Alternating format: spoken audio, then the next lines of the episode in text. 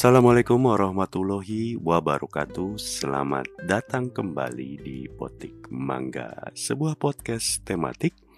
Bersama saya Mas Angga Apa kabar yang lagi dengerin? Semoga dalam keadaan sehat walafiat. Amin ya robbal alamin. Jadi para pemetik mangga sekalian hari ini 23 Juli 2022 merupakan episode ke-75 Potik Mangga di tahun 2022. Episode 75 itu artinya udah 25 minggu kurang lebih Potik Mangga mengudara. Artinya 75 kali 20 menit rata-rata itu sudah 15 eh 1500 menit Potik Mangga mengudara. Artinya 1500 menit gue nganggur 1500 menit itu artinya 25 jam kurang lebih. Satu hari lebih satu jam. Tapi hari ini gue nggak mau bahas uh, nganggurnya gue selama satu hari 25 jam itu. Pertama Tentu terima kasih banyak buat lo yang udah dengerin gue selama 75 episode belakangan. Kedua, karena ini adalah episode ke-75, gue mau cocok logi sama angka 75. Karena yang juga sama-sama 75 adalah NBA. Karena musim ini, tahun ini 2021-2022 adalah ulang tahun NBA ke-75. Jadi pertama kali NBA mulai itu tahun 1946 ya. Jadi tahun 2021-2022 ini NBA sudah 75 tahun alias sudah 75 kali musim bergulir NBA. Kalau lo tanya apa yang spesial dari 75 tahun NBA, tentu aja selain jualan merchandise supaya NBA semakin kaya, yang dibikin-bikin sama NBA tentunya adalah NBA memilih 75 pemain basket NBA terbaik sepanjang masa. Ini merupakan hal yang sama, gimmick yang sama pada saat ulang tahun NBA ke-50 di mana NBA memilih 50 pemain terbaik. Jadi kali ini 75 tahun 75 pemain terbaik sepanjang masa dipilih sama NBA. Puncak selebrasinya tentu kemarin sudahan pada saat NBA All Star. Jadi pada saat halftime NBA All Star itu dipanggil satu-satu 75 pemain terbaik sepanjang masa. Jadi kalau lo nggak nonton, masih ada tayangannya di YouTube prosesi pemanggilan satu-satu 75 pemain basket terbaik sepanjang masa itu. Jadi dibagi berdasarkan posisi dari center, forward, sama guard. Jadi buat lu mungkin gue ngebayanginnya ya buat lu yang mungkin suka banget basket atau mungkin lo ngikutin basket NBA dari dulu. Terus kalau mungkin gue bayangin lo lo yang aktif masih main basket di NBA gitu ya kepilih jadi All Star meskipun cadangan di momen itu kayaknya seru banget karena bisa ngelihat para legend ngumpul. Itu adalah sebuah pemandangan yang langka sebuah pemandangan yang mungkin belum terulang lagi di masa depan. Kapan lagi lo bisa ngeliat hampir seluruh pemain NBA legend dari tahun dulu sampai sekarang ngumpul jadi satu. Ya tentunya nggak semua dari 75 pemain yang terpilih jadi pemain terbaik sepanjang masa itu hadir. Tentu ada beberapa yang sudah almarhum, selain yang mungkin juga udah umurnya, juga yang tentu masih uh, segar di ingatan kita yang paling sedih pas nama Kobe Bryant dipanggil. Cuman ada fotonya doang, padahal harusnya Kobe masih ada di sana. Ya, ada juga yang nggak datang karena mungkin ada satu dan lain hal ya, kayak Larry Bird juga nggak hadir, Anthony Davis nggak hadir, Scottie Pippen nggak hadir, Tim Duncan nggak hadir, Carmelo nggak hadir juga, mungkin mager mungkin juga males karena masih covid atau bisa jadi udah nggak dalam kondisi yang terbaik. Karena memang dari 75 pemain yang hadir uh, yang masih yang bisa hadir yang masih hidup beberapa memang kelihatan sudah sangat sepuh sudah butuh tongkat butuh kursi gitu.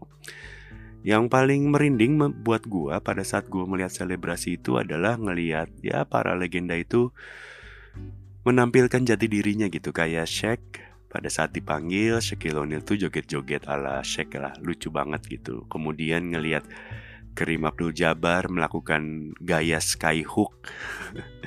Menurut gue itu legendaris banget ya. Dan ketika 75 nama dipanggil, nama ke-74 yang dipanggil adalah Magic Johnson. Dan nama yang paling akhir dipanggil, nama 75 yang dipanggil adalah Michael Jordan dan orangnya nongol masuk ke lingkaran jadi pusat dari semua legend itu. Bayangin dari 75 nama hebat, nama yang paling hebat, pemain yang prestasinya banyak banget gitu di, di antara semua 75 orang itu, Michael Jordan menjadi nama yang dipanggil terakhir alias Michael Jordan menjadi puncak dari seluruh pemain itu. Ya tentunya setiap kali ada pemilihan pemain terbaik sepanjang masa, tentunya ada perdebatan, tentunya ada pro kontra. Ada orang yang merasa kok si ini kepilih, kok si ini enggak gitu. Jadi memang uh, sebenarnya dari 75 pemain hebat yang kemarin kepilih jadi 75 pemain terbaik sepanjang masa, itu 50 namanya itu udah kepilih di anniversary 50 tahun NBA pada tahun 1996. Jadi memang sebenarnya 75 pemain ini cuman tinggal nambah 25 orang doang gitu. Kemudian um, kalau lu mungkin bertanya siapa yang memilih para pemain terbaik sepanjang masa ini, yang milih pun nggak satu dua orang. Konon ada sebuah tim isinya sekitar 80-an orang, 88 orang kalau gue nggak salah. Itu yang memilih uh, 75 pemain ini. Pemilih 25 pemain lagi tambahan setelah 50 kan ya udah terpilih gitu. Isinya siapa aja panelis yang memilih para pemain terhebat sepanjang masa ini.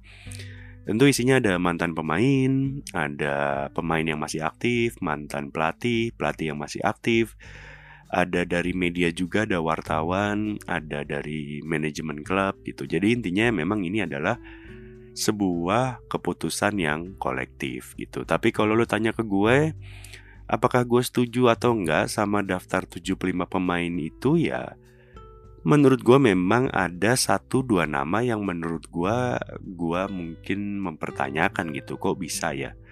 Tapi memang memilih 75 nama bahkan cuma 25 nama tambahan doang dari segitu banyak pemain hebat yang ada di NBA dari dulu sampai sekarang gue membayangkan memang bukan sebuah hal yang gampang. Apalagi mungkin dari zaman zaman dulu masih hitam putih sampai sekarang tentu nggak bisa disamain. Artinya Uh, seorang pemain yang jago di zaman dulu belum tentu jago di zaman sekarang, tentu beda. Atau mungkin juga yang sekarang aktif bermain uh, dihadapkan dengan pemain yang zaman dulu, tentu eranya juga berbeda. Yang pasti mungkin yang jadi pertimbangan kalau pemilihan ini memang sifatnya individual, alias memang memilih 75 pemain yang terbaik, bukan tim yang terbaik. Jadi memang kalau lu lihat daftarnya, ada pemain-pemain yang bahkan belum pernah juara NBA atau sampai pensiun tidak pernah juara NBA. Masuk ke dalam daftar 75 pemain terbaik gitu. Dari 75 pemain yang belum pernah juara, total ada 18 nama. Dari dari 70 pemain yang terpilih pemain terbaik itu ada 18 nama yang belum pernah juara sama sekali atau sampai pensiun tidak pernah juara. Ada 18 nama, nama yang pertama adalah George Jervin, dua adalah Lenny Wilkins, tiga Dave Bing, empat Pete Maravich, uh, lima Nate Thurman, uh, keenam itu John Stockton, kemudian Karl Malone, Patrick Ewing, Charles Barkley, Reggie Miller, Steve Nash, Allen Iverson, Dominic Wilkins, kemudian yang masih aktif bermain yaitu Chris Paul, Russell Westbrook, Westbrook, uh, James Harden, Damian Lillard, dan Carmelo Anthony. Jadi dari 18 nama itu yang gue sebutin 5 masih main, 13 sudah pensiun. Dari 13 nama yang udah nggak main, gue akan mengecualikan 5 nama karena memang gue nggak ngerti karena gue nggak pernah nonton. Itu adalah George Jervin, Lenny Wilkins, Dave Bing, Pete Maravich, sama Nate Sama sekali gue nggak pernah tahu itu nama pemain. Jadi ya udahlah, gue terima nasib aja lima pemain itu. Gue ngikut aja. Dari sisanya uh, dari uh, apa namanya 18 tadi kan 13 yang udah dikeluarin. Sisa 8 nama yang juga udah pensiun. Menurut gua memang 8 nama ini Empat namanya yaitu John Stockton, Carmelo, Patrick Ewing, dan Charles Barkley itu juga menurut gua sebuah pengecualian. Kenapa gue bilang pengecualian? Karena mereka berempat ini adalah geng Dream Team pertama dari Olimpiade 92. Dream Team yang ori. Jadi menurut gua memang punya privilege walaupun belum pernah juara sebagai individu, tapi tempatnya spesial lah di mata uh, basket NBA gitu. Tapi walaupun begitu jangan salah empat pemain tadi um, John Stockton, Carmelo, Patrick Ewing dan Charles Barkley memang prestasi individunya juga sangat keren ya menurut gua kayak Stockton itu adalah nomor satu asis sepanjang masa. Jadi dari seluruh pemain NBA dari tahun 46 sampai sekarang paling banyak bikin asis sepanjang masa adalah John Stockton. Karl Malone juga istimewa, nomor 3 poin sepanjang masa. Tadinya nomor 2 uh, eh, digeser sama LeBron James. Uh, jadi sekarang dia nomor 3 poin sepanjang masa. Jadi memang dari 75 tahun NBA, uh, eh, semua pemain basket yang main dia bikin poin paling banyak nomor 3 sepanjang masa. Kalau Charles Barkley, kalau lo bingung prestasinya apa karena nggak pernah juara, Charles Barkley pernah jadi MVP tahun 1993. MVP itu adalah pemain terbaik di tahun itu uh, di tahun 1993 kalau lo inget meme Jordan yang I take that personally itu diambil dari wawancara dia dari The Last Dance di mana Jordan sebel kalah dari Barkley untuk jadi MVP reguler di tahun 1993 di situ Jordan take it personally dan make sure kalau Charles Barkley boleh aja jadi MVP tahun 1993 tapi juara NBA-nya gue. Kurang lebihnya kayak gitu. Kalau Patrick Ewing memang ya gitu deh, nggak pernah juara, nggak pernah MVP, tapi ya tadi gue bilang geng gengnya Dream Team, jadi makanya menurut gue pengecualian. Nah, sisa empat nama yang juga sudah pensiun dan nggak masuk ke geng Dream Team pertama adalah Dominic Wilkins, Steve Nash, Allen Iverson, dan Reggie Miller. Um, Dominic Wilkins itu gue inget waktu pemilihan 50 pemain terbaik NBA tahun 1996 itu sempat jadi berita karena lumayan jadi kontroversi netizen pada saat itu karena tidak termasuk dalam daftar 50 pemain terbaik NBA tahun 1996. Tapi ya karena memang beliau pada saat itu belum pernah juara tahun 1996 jadi mungkin kalah saingan ya tahun itu. Tapi ya sampai akhirnya pensiun pun nggak pernah juara, nggak pernah jadi MVP. Ya walaupun sekarang Dominic Wilkins sering disebut sebagai human highlight sih karena dulu sering ngedang orang gitu kurang lebih. Tapi ya memang um, karena NBA itu mungkin adalah salah satu olahraga yang sangat statistik sekali Dominic Wilkins itu menurut gue secara prestasi paling banter sebagai individu adalah peringkat ke-14 poin NBA sepanjang masa. Ya, which is not bad gitu. Tapi ya tadi sisa nama itu kan tadi Dominic Wilkins, Steve Nash, Allen Iverson, sama Reggie Miller. Reggie Miller itu adalah legend 3 point di NBA sebelum zamannya Steve Curry. Walaupun belum pernah jadi juara NBA, walaupun jadi belum pernah jadi MVP. Jadi sebelum Stephen Curry, Reggie Miller itu adalah peringkat 2 3 point sepanjang masa setelah Ray Allen dalam hal paling banyak 3 points made di NBA sepanjang masa. Sekarang Reggie Miller itu peringkat 4 3 point sepanjang masa karena kegeser sama Stephen Curry dan James Harden. Sementara Steve Nash, Steve Nash itu dua kali MVP NBA. Kalau yang ini Steve Nash dari MVP itu yang sebel itu Shaq karena menurut Shaq yang harusnya jadi MVP itu dia bukan Steve Nash. Sementara kalau Allen Iverson itu um, salah satu pemain yang di luar dikenal sebagai bad boy yang ngubah NBA secara culture. Jadi Allen Iverson itu pernah jadi MVP dan juga pernah membawa Philadelphia 76ers ke final. Walaupun memang uh, apa namanya kalah di final melawan Los Angeles Lakers yang masih zamannya Kobe Bryant dan Shaquille O'Neal. Jadi memang uh, hampir gue rasa dari 75 orang uh, yang ada di daftar itu sepertinya nggak ada satupun MVP yang nggak masuk ke daftar 75 pemain terbaik NBA. Kayaknya ya. Gue lupa apakah ada MVP yang nggak masuk 75 pemain terbaik NBA. Eh, ada, ada, ada, ada. Namanya Derrick Rose. Derrick Rose itu satu dari 75 MVP yang nggak masuk daftar 75 pemain terbaik Indonesia NBA. Tapi tadi gue bilang dari empat pemain tadi itu um, Reggie Miller, Steve Nash, kemudian Dominic Wilkins dan Allen Iverson menurut gue di antara empat itu yang mungkin agak kurang itu memang cuman Dominic Wilkins. Nah, dari 18 nama tadi kan yang gue bilang belum pernah juara ada 5 pemain yang masih aktif jadi pemain. Maka statusnya memang belum juara alias bisa aja tahun depan jadi juara. Kita masih belum tahu karena mereka masih aktif bermain. 5 pemain aktif yang masuk ke dalam pemain terbaik NBA dan belum pernah juara adalah Chris Paul, Russell Westbrook, James Harden, Carmelo Anthony, dan Damian Lillard. Jadi lima pemain ini belum pernah juara, masih aktif bermain, kok udah masuk ke daftar 75 pemain terbaik sepanjang masa. Dari lima nama itu mari kita mulai dari yang paling berprestasi. Jadi nyari dari yang paling berprestasi dari prestasi yang paling cuman seadanya ya. Karena kan belum pernah juara. Nomor satu di antara lima pemain yang udah masuk ke daftar 75 pemain terbaik NBA tapi belum pernah juara yang paling berprestasi menurut gue adalah Russell Westbrook.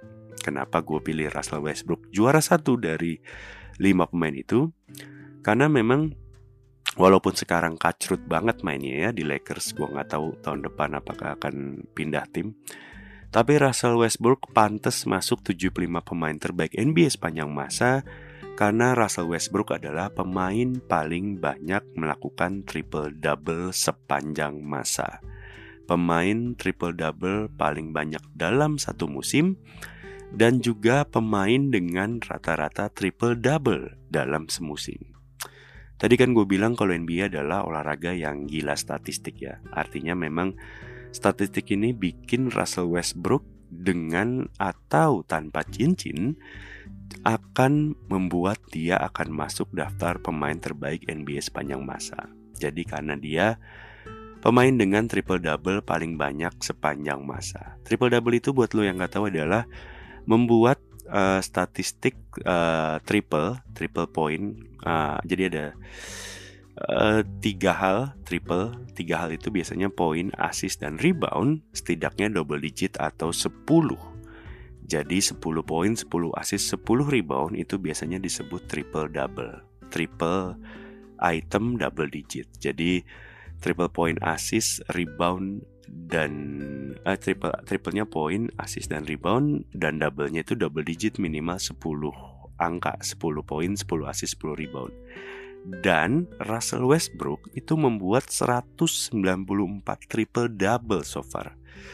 Kalau lo pikir triple double itu bukan hal yang susah, sebagai gambaran Michael Jordan sepanjang masa hanya membuat 28 triple point, triple double. Kobe Bryant almarhum cuman membuat 21 triple double. Jadi memang triple double itu merupakan indikator dalam NBA kalau lu adalah pemain yang lengkap karena lu bisa poin, bisa assist, bisa rebound.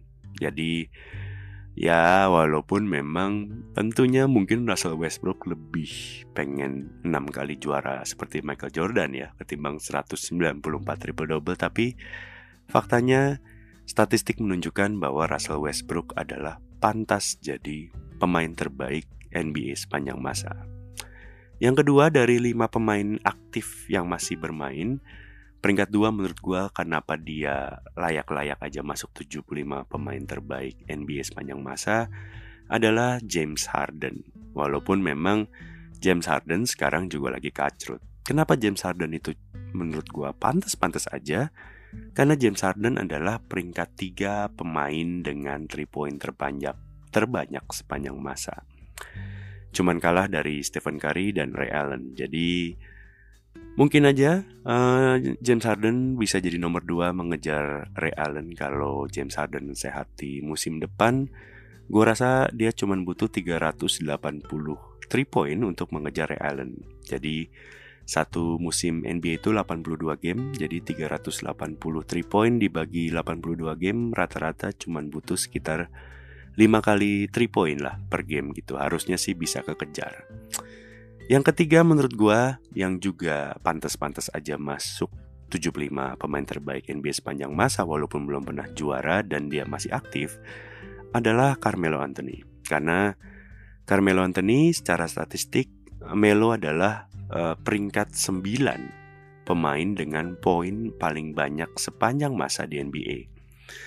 Nomor 9 itu lumayan tinggi menurut gua banyak lah ngalahin pemain-pemain dengan nama yang lebih mentereng. Jadi ya itulah prestasi Carmelo Anthony. Walaupun mungkin uh, Carmelo Anthony tidak akan pernah meraih gelar juara.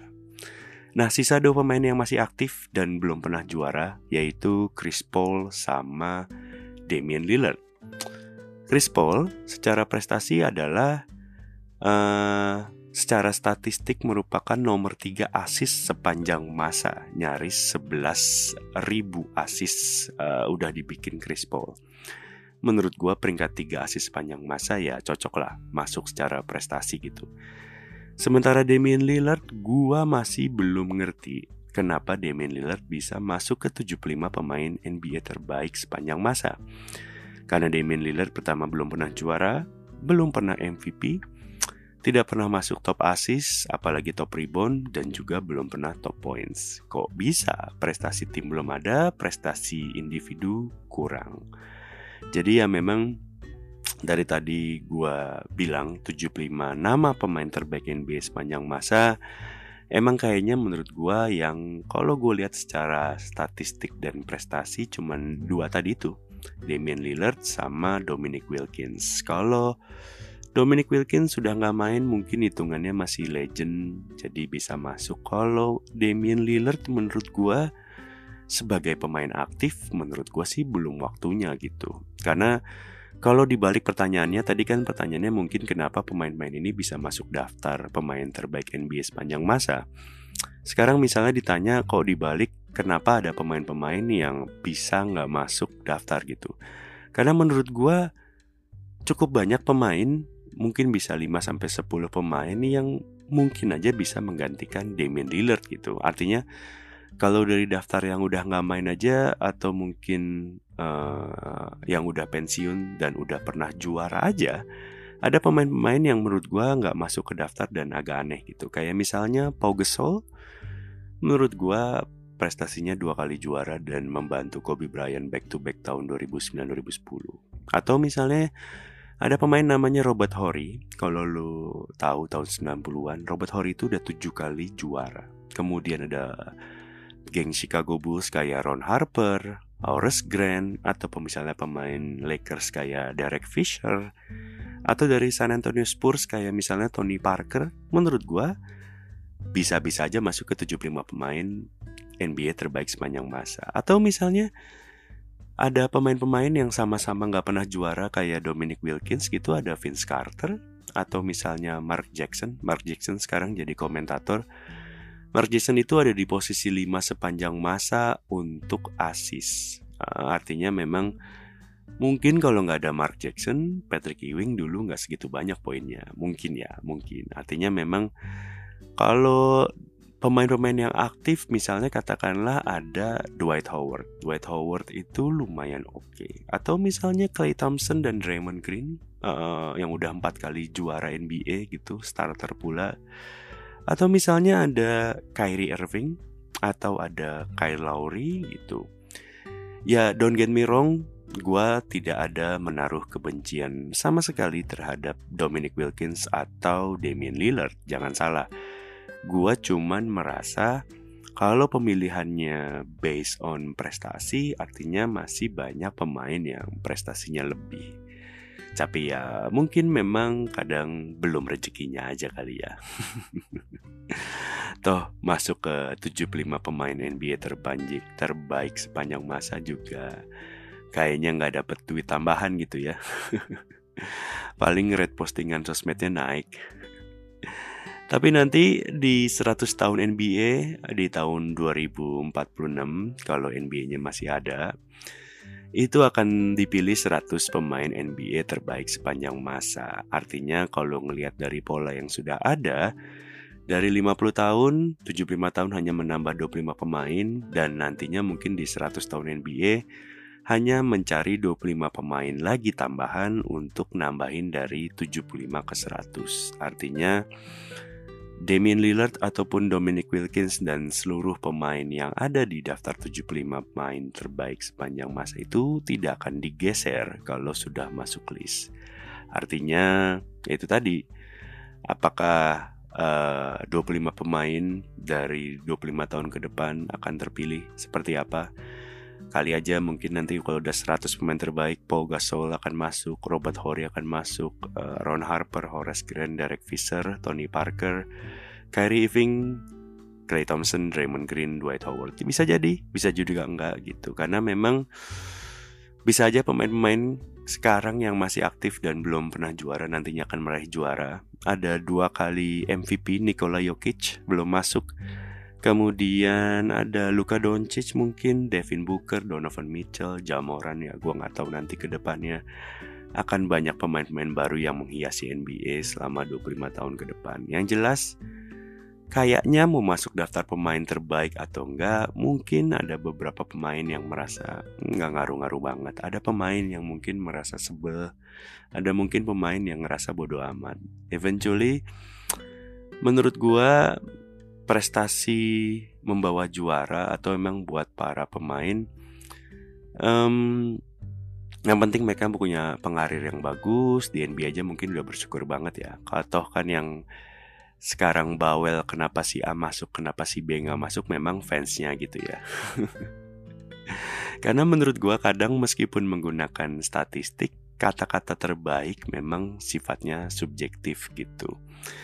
Kayak kamu mungkin bukan yang terbaik di dunia, tapi kamu adalah yang terbaik untuk aku. Udah, itu aja terima kasih sudah mendengarkan Potik Mangga. Maaf kalau episode tidak jelas. Ini khusus untuk pemain, ah, sorry untuk pendengar NBA. Uh, ah, sampai jumpa di episode lain dari Potik Mangga. Assalamualaikum warahmatullahi wabarakatuh.